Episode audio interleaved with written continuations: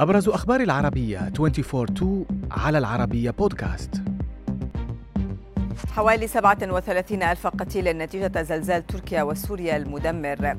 الأمم المتحدة تعلن أن مرحلة الإنقاذ تقترب من نهايتها. وكشف سر صمود مبنى المهندسين في قهرمان مرعش. وسط استمرار عمليات البحث عن ناجين رغم تضاؤل الآمال ارتفعت حصيلة ضحايا الزلزال المدمر إلى نحو 37 ألف قتيل في تركيا وسوريا.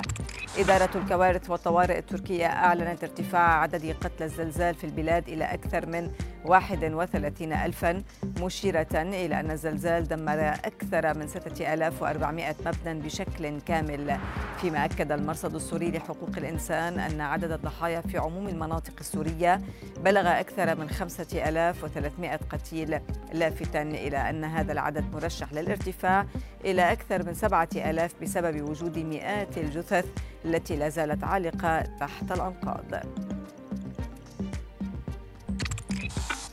خلال زيارته إلى مدينة حلب السورية أعلن منسق الأمم المتحدة للإغاثة مارتن جريفيث أن مرحلة الإنقاذ تقترب من نهايتها. وكالة رويترز نقلت عن جريفيث قوله أن الحاجة الماسة ستصبح توفير الملاجئ والطعام والتعليم والرعاية النفسية والاجتماعية للناجين مشيرا إلى أنه سمع روايات مؤلمة عن الكارثة من الناجين في حلب. وأضاف أن الأمم المتحدة ستعمل على نقل مساعدات من مناطق سيطرة الحكومة لمناطق خاضعة لسيطرة المعارضة في الشمال الغربي. كما سيتم إطلاق نداءات لتقديم المساعدة لكل المناطق التي تضررت من الكارثة. على حد قوله.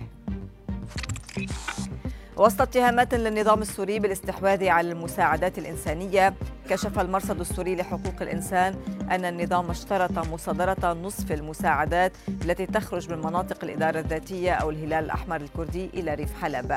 في الوقت ذاته انتشر فيديو لموظفة ألمانية في الهلال الأحمر الكردي والمتواجدة مع قافلة المساعدات القادمة من مناطق شمال شرقي سوريا باتجاه حلب.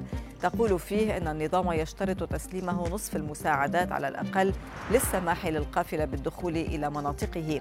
وكان مدير المرصد رامي عبد الرحمن أكد للعربية أن مساعدات وصلت من مختلف الدول العربية مطالبا بوجود آلية لتوزيعها إلى مستحقيها وعدم سرقتها.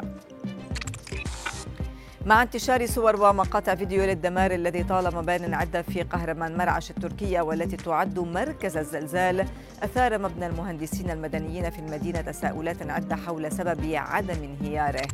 رئيس مجلس إدارة غرفة المهندسين الكهربائيين في تركيا ماهر أولوتاش الذي شارك صورة للمبنى عبر تويتر أرجع سبب عدم انهيار المبنى إلى تأسيسه السليم وصلابة المواد المستخدمة في بنائه قائلا حتى في مثل هذه الزلازل. الكبيرة. هناك مبان يمكن أن تصمد طالما أسست ببنية سليمة.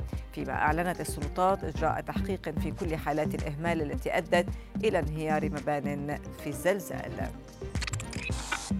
وفي خبرنا الأخير وفي ظل استمرار جمع المساعدات في العديد من دول حول العالم لمتضرري الزلزال أعلنت منصة تيك توك عن تقديمها مساهمة قدرها 200 ألف دولار لليونيسف لمساعدة المتضررين في سوريا وتركيا.